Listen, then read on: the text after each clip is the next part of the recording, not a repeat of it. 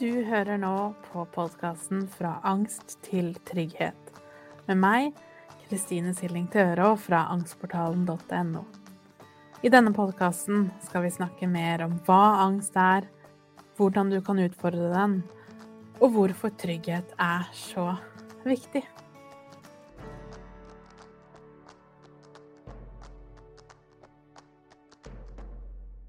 Hei og velkommen til episode 60. Og i dag så er det panikkangst som er tema. Men aller først så har jeg en liten oppdatering til deg. For jeg hadde igjen Vel, jeg begynner hver episode i det siste med det samme, men jeg har så lyst til å takke deg igjen. For siden sist så har boka mi 'Ikke ta deg sammen' kommet på bestselgerlisten. Så den kom rett inn på fjerdeplass, som er, føles helt enormt stort. Og jeg skulle ønske du visste hvor ekstremt takknemlig jeg er for alle dere som har både kjøpt og anbefalt videre, og kommet med tilbakemeldinger. Det er så enormt fint og stort. Så jeg hadde bare lyst til å starte dagens episode med å virkelig, virkelig takke deg for det. Og nå kan jo kjøpes overalt. Eh, Nordli har den inne i flest butikker. Sist jeg sjekka, tror jeg det var 117 butikker. Så hvis du går på nordli.no, finner boken der. Eh, nå ligger den også der akkurat nå, under bestselgere. Og eh, da ser du hvor den er på lager. Og også over 50 bibliotek har den også inne. Så der er det også muligheter hvis du heller vil låne den. Så det var dagens oppdatering. Og så inne på et litt hva skal man si, litt mer alvorlig, litt tyngre tema, nemlig panikkangst. Dette er et tema som veldig mange har forespurt. Og det har tatt meg litt tid å lage den, fordi jeg har lyst til at det skulle bli helt riktig. Fordi at panikkangst er jo den eh, angstformen, eller angstuttrykket, om vi kan bruke det året, som er kanskje, eller oppleves, mest voldsomt. Så ja, derfor så har jeg litt lyst til å snakke både hva er panikkangst, hva kjennetegner det? Jeg skal snakke litt om symptomer, og litt sånn hva kan vi gjøre for å begynne å jobbe med panikkangsten? Men først og fremst, det som jo kjennetegner panikkangsten, det er jo at den kommer veldig plutselig og brått, og at vi der og da, spesielt første gangen vi opplever et panikkanfall, ikke vet hvor det kommer fra. Så vi kan stå i en situasjon som kanskje ikke nødvendigvis er verken truende eller stressende, men plutselig er det som om kroppen sanser noe som vi ikke er bevisst på, og så går det litt fra 0 til 100 på minutter. Det kan f.eks. starte med at du føler deg plutselig litt sånn svimmel og uvirkelig eller litt sånn underlig i hodet. Det kan være at du plutselig får hjertebank, du føler at du hiver etter pusten, at du ikke klarer å, å roe ned pusten, akkurat som du mister litt kontrollen. Um, at du begynner å skjelve, enten sånn følelse av å innvendig skjelve, eller at du fysisk utenpå kroppen skjelver. Og egentlig alle angstsymptomer, som at vi svetter, vondt i brystet, veldig typisk for panikkangst. Vi blir svimle, kvalme, ubehag i magen.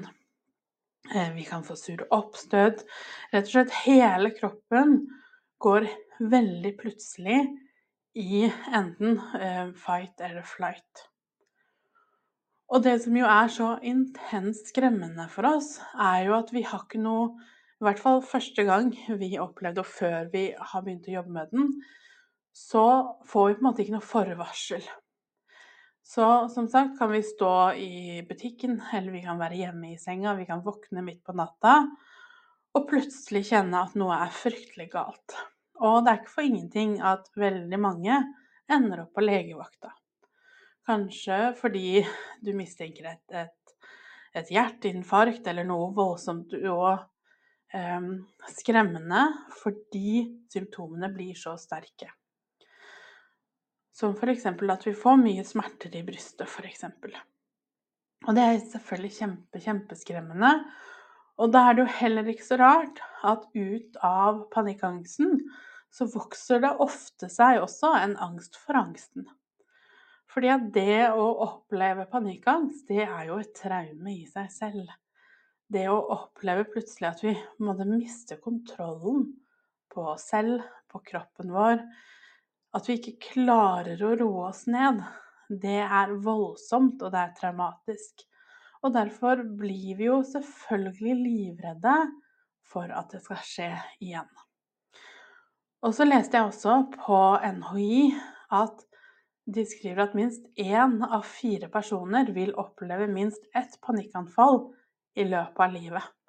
Og det betyr jo at det er utrolig vanlig at noen du kjenner, kommer til eller har allerede opplevd det. Og allikevel så er det jo en litt sånn underlig tosidighet med angsten. Vi vet jo på ett nivå hvor vanlig det er, men samtidig føler vi oss unormale og som den eneste som har det sånn vi har det. Eh, NHI skriver også at kun er en liten andel av de igjen som vil utvikle panikklidelse. Og at tilstanden debuterer gjerne omkring 20-30-årsalderen. De som er mest plaget, befinner seg i alderen mellom 25 og 44 år, og kvinner rammes dobbelt så hyppig som menn. Så jeg tenker at hvis vi først vet at dette her er vanlig, dette er ikke noe vi trenger å skamme oss over, det som ofte fører til forvirring og frykt, er jo også at det føles som at panikkanfallet kom ut fra tynne lufta. Ikke sant? At den bare falt ned, og plutselig bare var der helt tilfeldig. Men det er jo ikke sånn det er, og det kan for mange være litt trygt å vite at selv om vi ikke vet hva eh, årsaken er, så er den i hvert fall der. Og sannsynligvis har den ingenting med stedet du er når du fikk det første panikkanfallet. For det er jo gjerne her også ting kan eskalere, fordi vi f.eks. får et panikkanfall i bilen, på butikken, på jobb, og så blir det til at hjernen vår finner en grunn til det. Så det må jo bety at det var bilen som var problemet, eller det var det at jeg var på butikken. Og så begynner vi kanskje å utvikle en litt sånn sekundær angst for det å bevege seg ute, det å kjøre bil eller butikk eller sove, for den saks skyld. Og da er det litt viktig å vite at aller, aller mest sannsynlig så handlet det ikke om situasjonen du var i, men heller noe innvendig. Og for noen så kan det handle om at vi over for lang tid har ignorert hva kroppen vår egentlig har forsøkt å fortelle oss. At vi kanskje lenge, kanskje også lenger enn vi liker å innrømme, har levd litt på tross av oss selv. At vi ikke har tatt tak i følelser, opplevelser, tanker. Vi har kanskje jobbet veldig hardt for å holde ting på en litt sånn armlengdes avstand. Um, og selv om vi kanskje har, i hvert fall i ettertid, det er ofte en sånn følelse av at ja, åh, angsten har egentlig vært der ganske lenge, så har vi på en måte ikke noe ord for det når vi står i situasjonen. Og sånn var det for meg. Og jeg hadde ikke noe opplevelse av at jeg har angst før angsten ble så høy at jeg ikke lenger kunne overse den eller fokusere eh, vekk fra den. Og sånn er det jo med panikkangst. Den kommer hardt og brutalt, som om kroppen eh, har fått nok. Er, kroppen er som en trykkoker, og når det, den ikke klarer å ramme mer, så roper den så høyt at vi til slutt er nødt til å lytte. Og da begynner jo jobben. For eh, som med all annen angst, så har vi da to ting vi trenger å, å ta hensyn til. Eller to ting det er lurt å vite litt om. Og det ene er jo hva gjør vi da her og nå, når panikkangsten er der? Eller når panikken kommer, eller når vi står i en situasjon med høy angst. Og nummer to er jo hva kan vi gjøre på sikt for å bearbeide dette her? For å jobbe med angsten, for å minske angsten på sikt. Så hvis vi tar det første først, da. Det, hva gjør vi da her og nå hvis du nå har mye panikk? Det er viktig å vite at det å skulle roe ned et panikkanfall når du står midt i det, det er det ikke bare du som ikke får til. Fordi at angsten blir så høy og så voldsom at vi mister litt oss selv. Og det skal ikke så veldig mye angst eller stress til egentlig før den logiske delen av hjernen vår blir litt koblet av, som gjør at vi klarer ikke å hente oss inn. Og derfor er det gjerne sånn med panikkangst spesielt at det vil ha mer for seg at vi begynner å jobbe med den når den begynner å gå over. Så når, hvis du ser for deg at angsten måtte følger en bølge, noen ganger er den høyere enn andre, noen ganger er den lengre enn andre, men det er alltid en bølge. Og den bølgen når et toppnivå, og så vil den dale ned på andre siden igjen. Dette beskriver jeg også mye mer i, i, boka, hvis du har lyst til å lese mer om, om angstkurven og hvordan det funker. Når vi har panikkangst før vi har jobbet noe særlig med den, så er vi nødt til å vente med å, jobbe med den nærmest til vi får bevissthet igjen, vi kan kalle det det. Altså når, når du er på andre enden av det, og du begynner å merke at du kjenner deg litt som deg selv igjen. For i panikken så mister vi helt hodet, vi kan føle oss uvirkelige. Vi klarer ikke helt å huske hva var det egentlig skulle gjøre. Så når du begynner å føle deg som deg selv igjen, da kan vi begynne å ta i bruk førstehjelp, f.eks. Og etter hvert som du øver, så vil det bli lettere og lettere å hente deg inn tidligere i prosessen. Fordi vi begynner å bli såpass bevisst, og vi begynner å få litt selvtillit på at vi faktisk får det til, at vi kan begynne å finne det jeg kaller den av-knappen tidligere.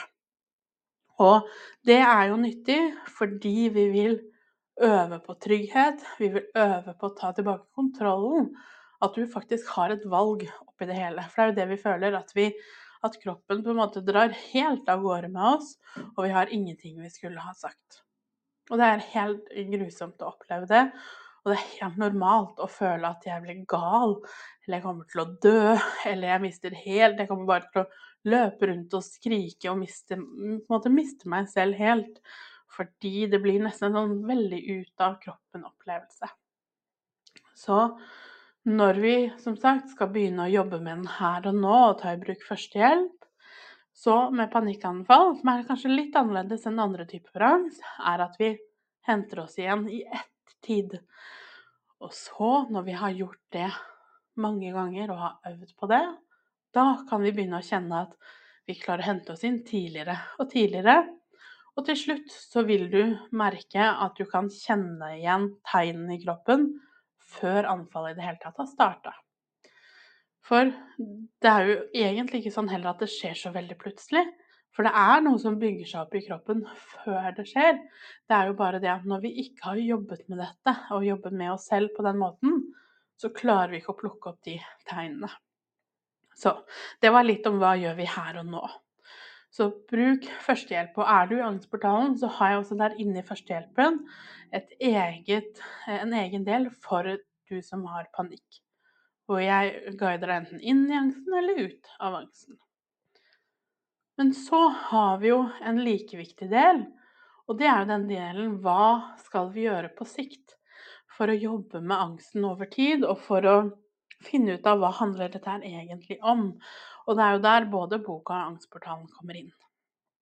Fordi at det vi eh, da trenger å ha fokus på, alt ettersom hvor du er, hvilken fase du er i, er du i den røde fasen hvor du har mye panikkanfall hele tiden, så det er veldig kaotisk og voldsomt, så jo, er det jo førstehjelp som gjelder. Da skal vi ikke begynne å jobbe med angsten ennå, fordi du er ikke klar for det. Da skal vi heller tenke trygghet og førstehjelp. Men hvis du er i den gule fasen, og det vet du hvis du begynner å kjenne at du har litt lettelse mellom anfallene, de kommer ikke like ofte lenger, det er kanskje litt roligere mellom anfallene, og du begynner å merke at du blir litt nysgjerrig på hva handler dette her egentlig om, da begynner du å være klar for å jobbe med selve angsten. Og da er det å finne ut av hva føler jeg egentlig? Hva er det som trigger angsten? Hva er det som ligger bak? Hvilke opplevelser, tanker, følelser osv. Og etter hvert, når du er klar for det, begynne å eksponere oss for den. Som jo betyr å utsette oss for panikken og for alle følelsene tankene og alt som skjer i oss når vi har et anfall. Så begge deler er like viktig. Det er ikke sånn at vi bare skal kjøre på å eksponere oss. Vi trenger også, spesielt i den røde akuttfasen, nok tid til å få lov til å jobbe med den trygghetsfølelsen og følelsen av å få litt hodet over vann. Ehm, sånn at ikke alt hele tiden er angst og panikk. For det er jo det som er så ekstremt krevende, både for kroppen og selvfølgelig også for, psyken. Vi blir ekstremt slitne av det. Så jeg håper det var en forståelig og en ok gjennomgang av panikkangsten. For å oppsummere så er det vanlig at du føler at den kommer veldig plutselig. Det er helt normalt at du tenker at nå blir jeg gal, nå dør jeg. Nå er det noe alvorlig galt med meg. Da mister jeg helt kontrollen. Det er det panikken gjør med oss, og det er kjempeubehagelig, men det er ikke farlig. Men det er veldig fint da å ha noen å snakke med, enten om det er en terapeut, eller om det er noen som er likesinnede, um, om det er legen din. Noen som kan hjelpe deg til å navigere alt det her, og samtidig det å få lov til å åpne seg for noen er ekstremt viktig. Og når vi skal begynne å jobbe med angsten, så er det også, som alltid, hva kan jeg gjøre her og nå for å skape mer trygghet? Og hva kan jeg gjøre på lang sikt som gjør at jeg kan jobbe med hva som er grunnen til at jeg har panikkangst i utgangspunktet? Fortsett å si fra hvis det er noen temaer du vil jeg skal ta opp. Eller om du har konkrete spørsmål, så kan jeg også lage episoder med utgangspunkt i spørsmål. Um, hvis du har lyst til å spille inn et spørsmål, så kan du sende meg en lydfil på Instagram. Da bare trykker du på mikrofonen, spiller inn et spørsmål, for da kan jeg også bare spille det i opptak, sånn at jeg kan svare deg på den måten hvis du har lyst til det.